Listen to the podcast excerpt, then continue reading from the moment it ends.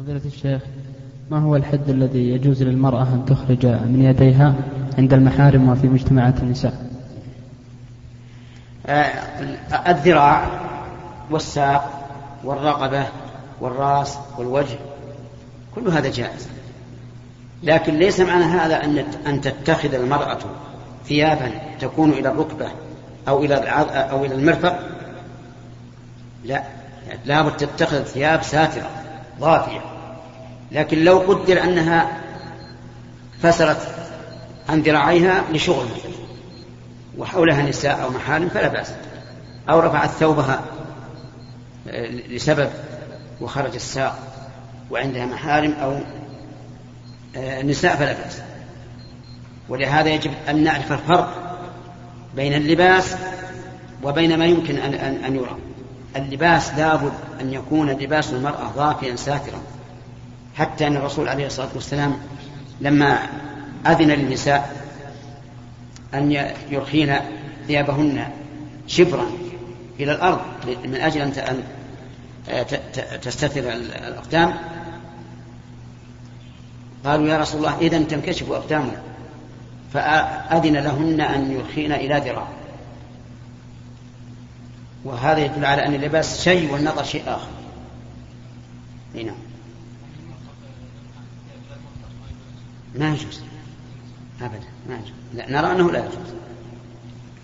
لأن المرأة يجب أن تستر وفتنة المرأة عظيمة.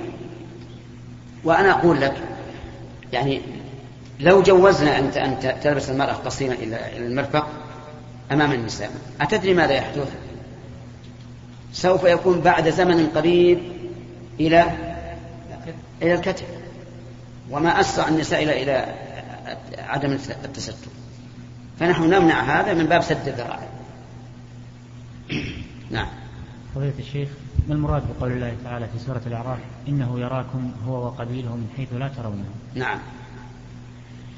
يعني أن الشيطان يرانا ونحن لا نراه. والمراد بقبيله؟ كما قبيله من جنسه يعني.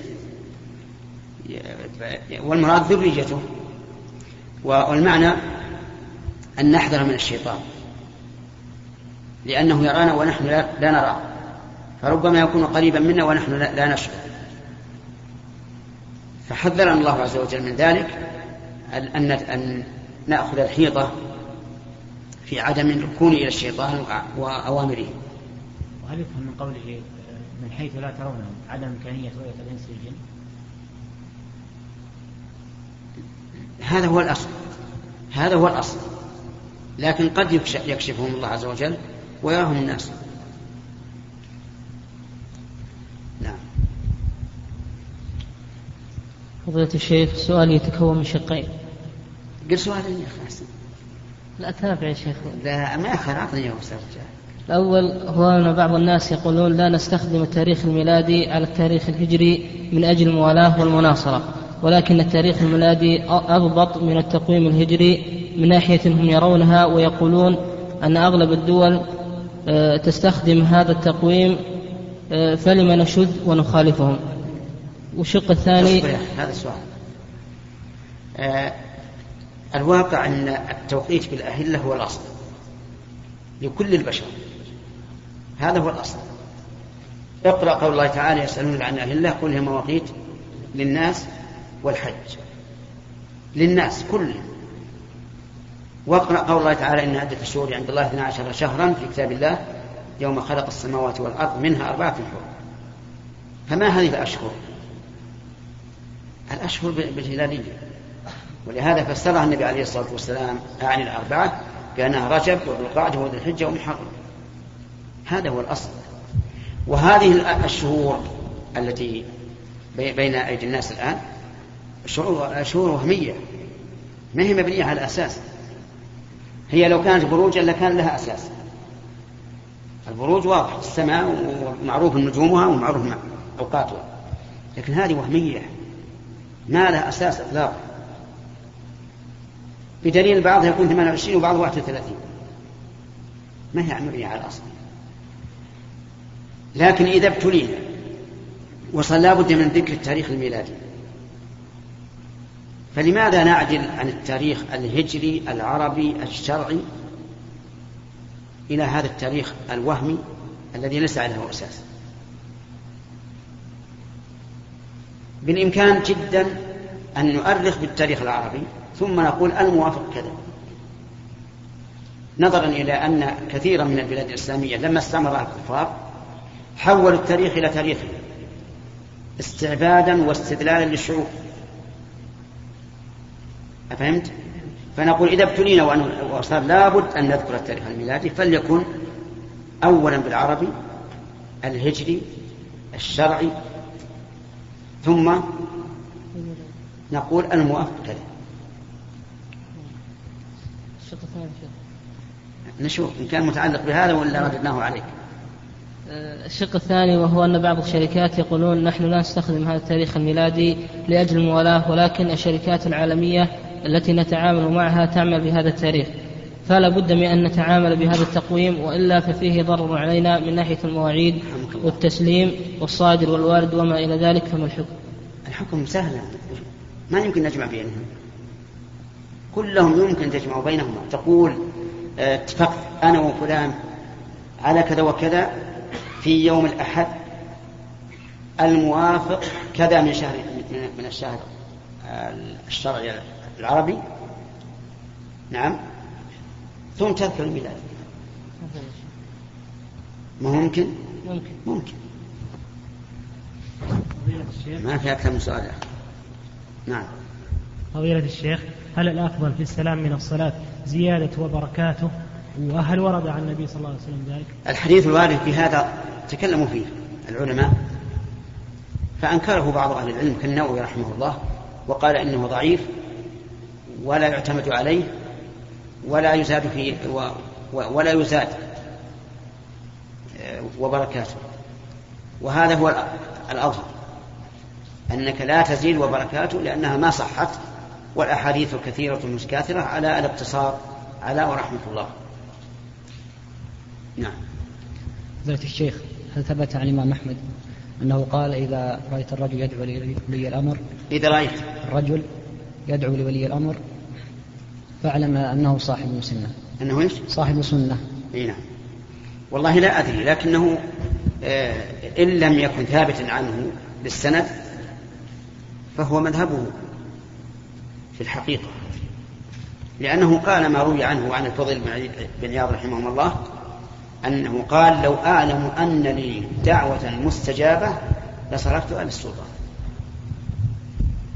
فلا يبعد أن يكون هذا. لأن لأن اللي ما يدعو للسلطان فيه بدعة من بدعة قبيحة وهي الخوارج الخروج على الأئمة. ولو كنت ناصحا لله ولكتابه ولرسوله ولأئمة المسلمين وعامتهم لدعوت للسلطان. يرحمك الله لأن السلطان إذا إذا صلح صلحت الرعية أما بعض الناس إذا رأى من سلطانه انحرافا وقالوا ادعوا الله أن يهديه قال لا لا هذا مو بادي الله إلا دعا الله يهلكه طيب كيف ما هو بيهدي الله؟ أليس الله هدى أئمة الكفر؟ هداهم. ثم إذا إذا قدر أن الله أهلك كما كما تحب أنت الآن من الذي يتولى بعدك؟ من البديل؟ الآن الثورات العربية التي قامت على الثورة. اسأل أهل البلدان أيما أحسن لما كانت البلاد ملكية أو لما كانت ثورية؟ نعم. سيكون بلسان واحد بآن واحد نعم قياما وقعودا وعلى جنوبهم هي لما كانت ملكية أحسن بألف مرة. هذا شيء واضح. نعم. أخذت السؤال طمع هذا. اللي بعده.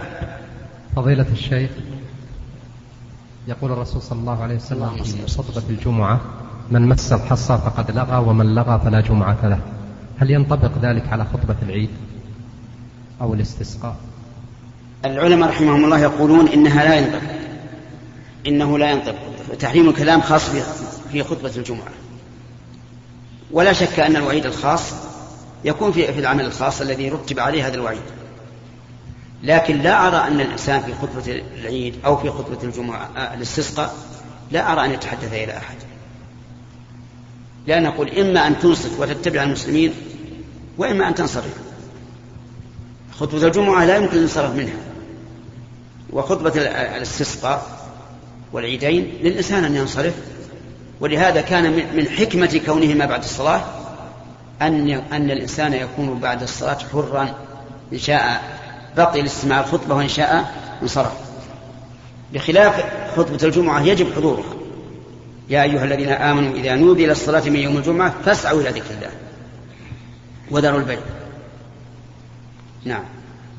فضيلة الشيخ السلام عليكم ورحمة الله وبركاته. وعليكم السلام ورحمة الله وبركاته. ونبهنا كثيرا على أن السائل إذا سأل ما يحتاج إلى تقديم السلام لأنه بالجالس معنا والسلام إنما يكون من القادم. أي نعم.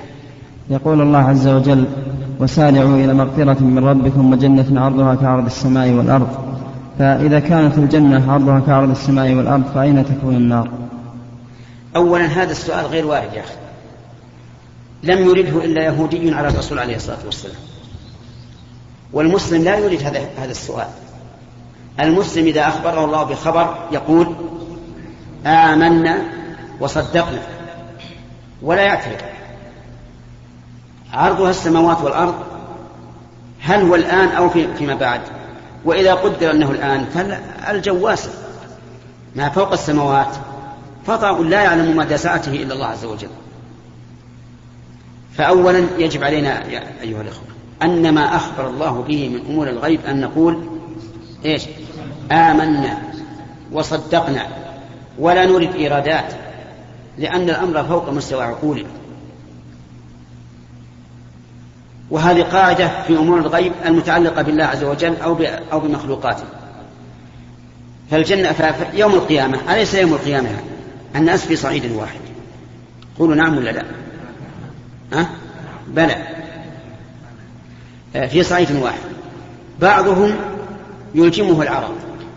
يصل إلى فمه وبعضهم إلى كعبيه وهم في مكان واحد. هل يقول قائل كيف يصير هذا؟ ولا يقول آمنا وصدقنا؟ يقول آمنا وصدقنا فأمور الغيب أوسع من عقولنا يا رجل. اصحى أن تورد مثل هذه الإرادة على أمور الغيب. أمور الغيب إذا صحت في القرآن والسنة فما موقفنا منها إلا السمع والإيمان والتصديق. فهمت يا أخي؟ خلاص. أما هذا اليهودي الذي أورد هذا على الرسول فقد قال له أين الليل إذا ذهب النهار؟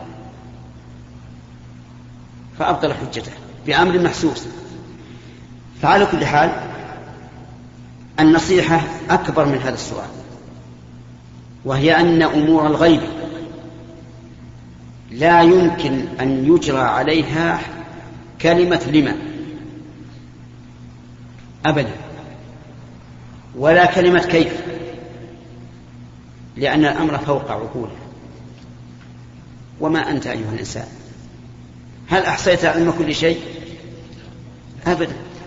إذا ما بقي عليك إلا هذه المسألة من, من العلوم ذاك الساعة نتعب وندور المخرج. ولهذا لما سألوا الرسول عن الروح ماذا قال الله لهم؟ قال قل الروح من أمر ربي. أمر ما تستطيعون أن تدركوه. وما أوتيتم من العلم إلا قليل. سبحان الله. يعني هل أدركتم كل العلوم إلا علم الروح؟ أكثر العلوم فاتتكم. ما أوتيتم من العلم إلا قليلا وهذا عجب.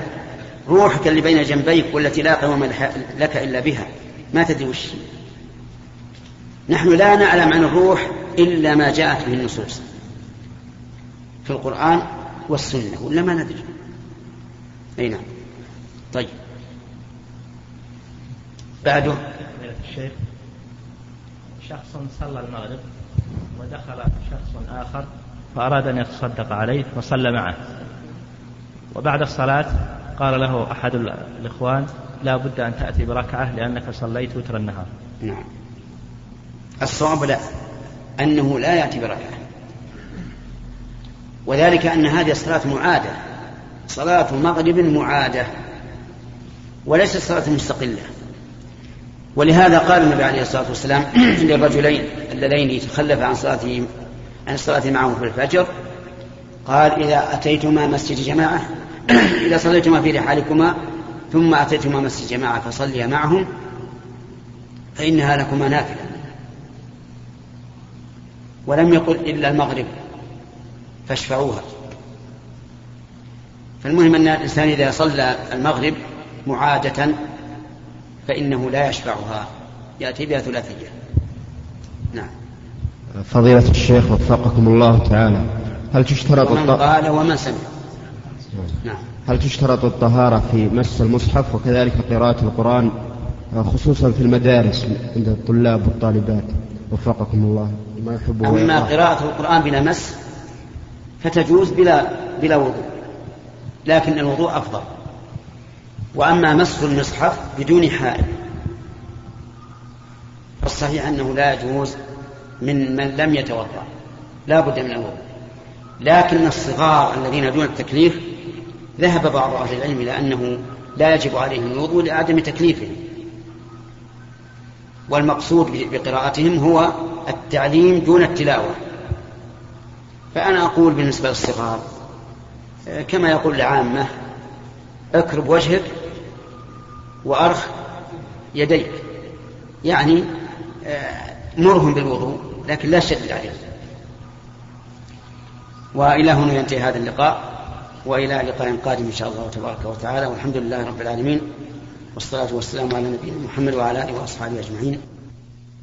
أيها الأحبة يسعدنا أن نكمل ما تبقى من هذا الشريط بهذه المادة. عن المسيح الدجال. هل ابن صياد هو المسيح الدجال الذي يخرج في آخر الزمان؟ أم هو رجل أم هو رجل أم هو الرجل الذي في الدير وهو أعظم إنسان خلقا أو خلقا؟ أم الجساسة؟ وهل هو موجود الآن؟ أعاذنا الله من فتنته وشر آمين.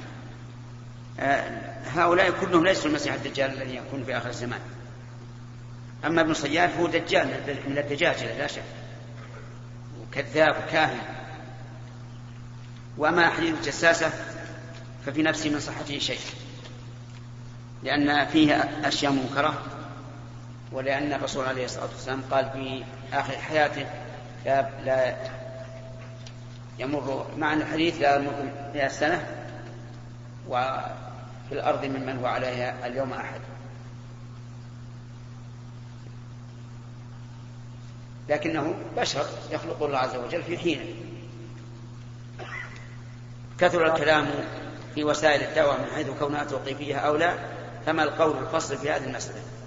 القول الفصل أن وسائل الدعوة ما يتوصل به إلى الدعوة وليست توقيفية لكنه لا يمكن أن تكون الدعوة بشيء محرم. كما لو قال قائل هؤلاء القوم لا يقبلون إلا إذا ضرب إلا إذا طلبتم الموسيقى أو المزامير أو ما أشبه ذلك هذا محرم. وأما غير ذلك فكل وسيلة تؤدي إلى المقصود فإنها مطلوبة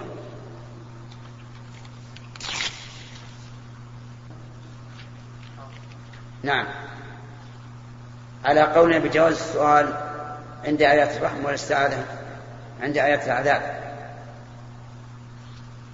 دون الاستحباب في الفريضة فهل يؤجر من دعا فيها لكون الدعاء مندوبا إليه مطلقا؟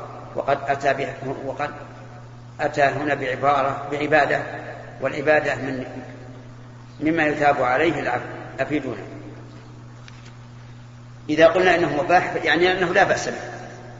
يعني أنه لا بأس به فلا ينهى عنه ولا يقال إنه بدعة لكن لا يقال إنه سنة كما يكون في النفل ومنع كوننا منع قولنا أنه سنة لأن الواصفين لصلاة النبي صلى الله عليه وسلم لم يذكروا ذلك. وإلا فقد يقول قائل ما ثبت في النفل ثبت في الفرض إلا بدليل. فكون الواصفين لصلاة النبي صلى الله عليه وسلم لم يذكروه يدل على أنه لا يفعل لكن من فعل فلا بأس. نعم. يثاب على نيته لأن الدعاء عبادة. قال إن شاء الله يقول هل تحية المسجد واجبة أم مستحبة؟ القول بالوجوب لا شك أنه قول ويقويها أن النبي صلى الله عليه وعلى آله وسلم كان يخطب فدخل رجل فجلس فقال أصليت؟ قال لا. قال قم فصل ركعتين. فأمره أن يشتغل بصلاة ركعتين عن واجب استماع الخطبة. ولا ولا يمكن أن يشتغل عن واجب إلا بواجب. ثم قوله عليه الصلاة والسلام إذا دخل أحدكم المسجد فلا يجلس حتى يصلي ركعتين. هذا نهي. لكن هناك قضايا أعيان. قد تؤيد قول الجمهور وهو أن تحية المسجد سنة وليست بواجبة. ولذلك نرى أن الاحتياط والأبر للذمة لا يدع الإنسان هل أخذ العربون جائز بحيث لو جاء بعد ذلك ولا يريد ما أعطى العربون لأجله لا يرد إليه العربون؟ الصحيح أنه جائز بيع العربون. ومعناه أن المشتري يقدم شيئا من الثمن إلى البائع ويقول إن أخذت السلعة فهذا أول الثمن وإن لم أخذها فهو لك. فهمتم؟ هذا جائز روي جوازه عن أمير المؤمنين عمر بن الخطاب رضي الله عنه ولأنه مصلحة للجميع لأن رد السلعة يوجب نقصان قيمته. ومعطي العربون لا يمكن أن نعطي عربونا كبيرا سيعطي شيئا يسيرا. فالصواب أنه جائز لما فيه من مصلحة الطرفين. أيها الإخوة في ختام هذه المادة نسأل الله أن نلقاكم في لقاءات متجددة. مع تحيات مؤسسة الاستقامة الإسلامية للإنتاج والتوزيع في عنيزة. شارع هلالة رقم الهاتف والناسخة الهاتفية صفر ستة ثلاثة ستة أربعة ثمانية ثمانية ثمانية صفر. والرقم الثاني صفر ستة ثلاثة ستة أربعة خمسة ثمانية ثمانية صفر. ورقم صندوق البريد اثنان وخمسمائة وألف.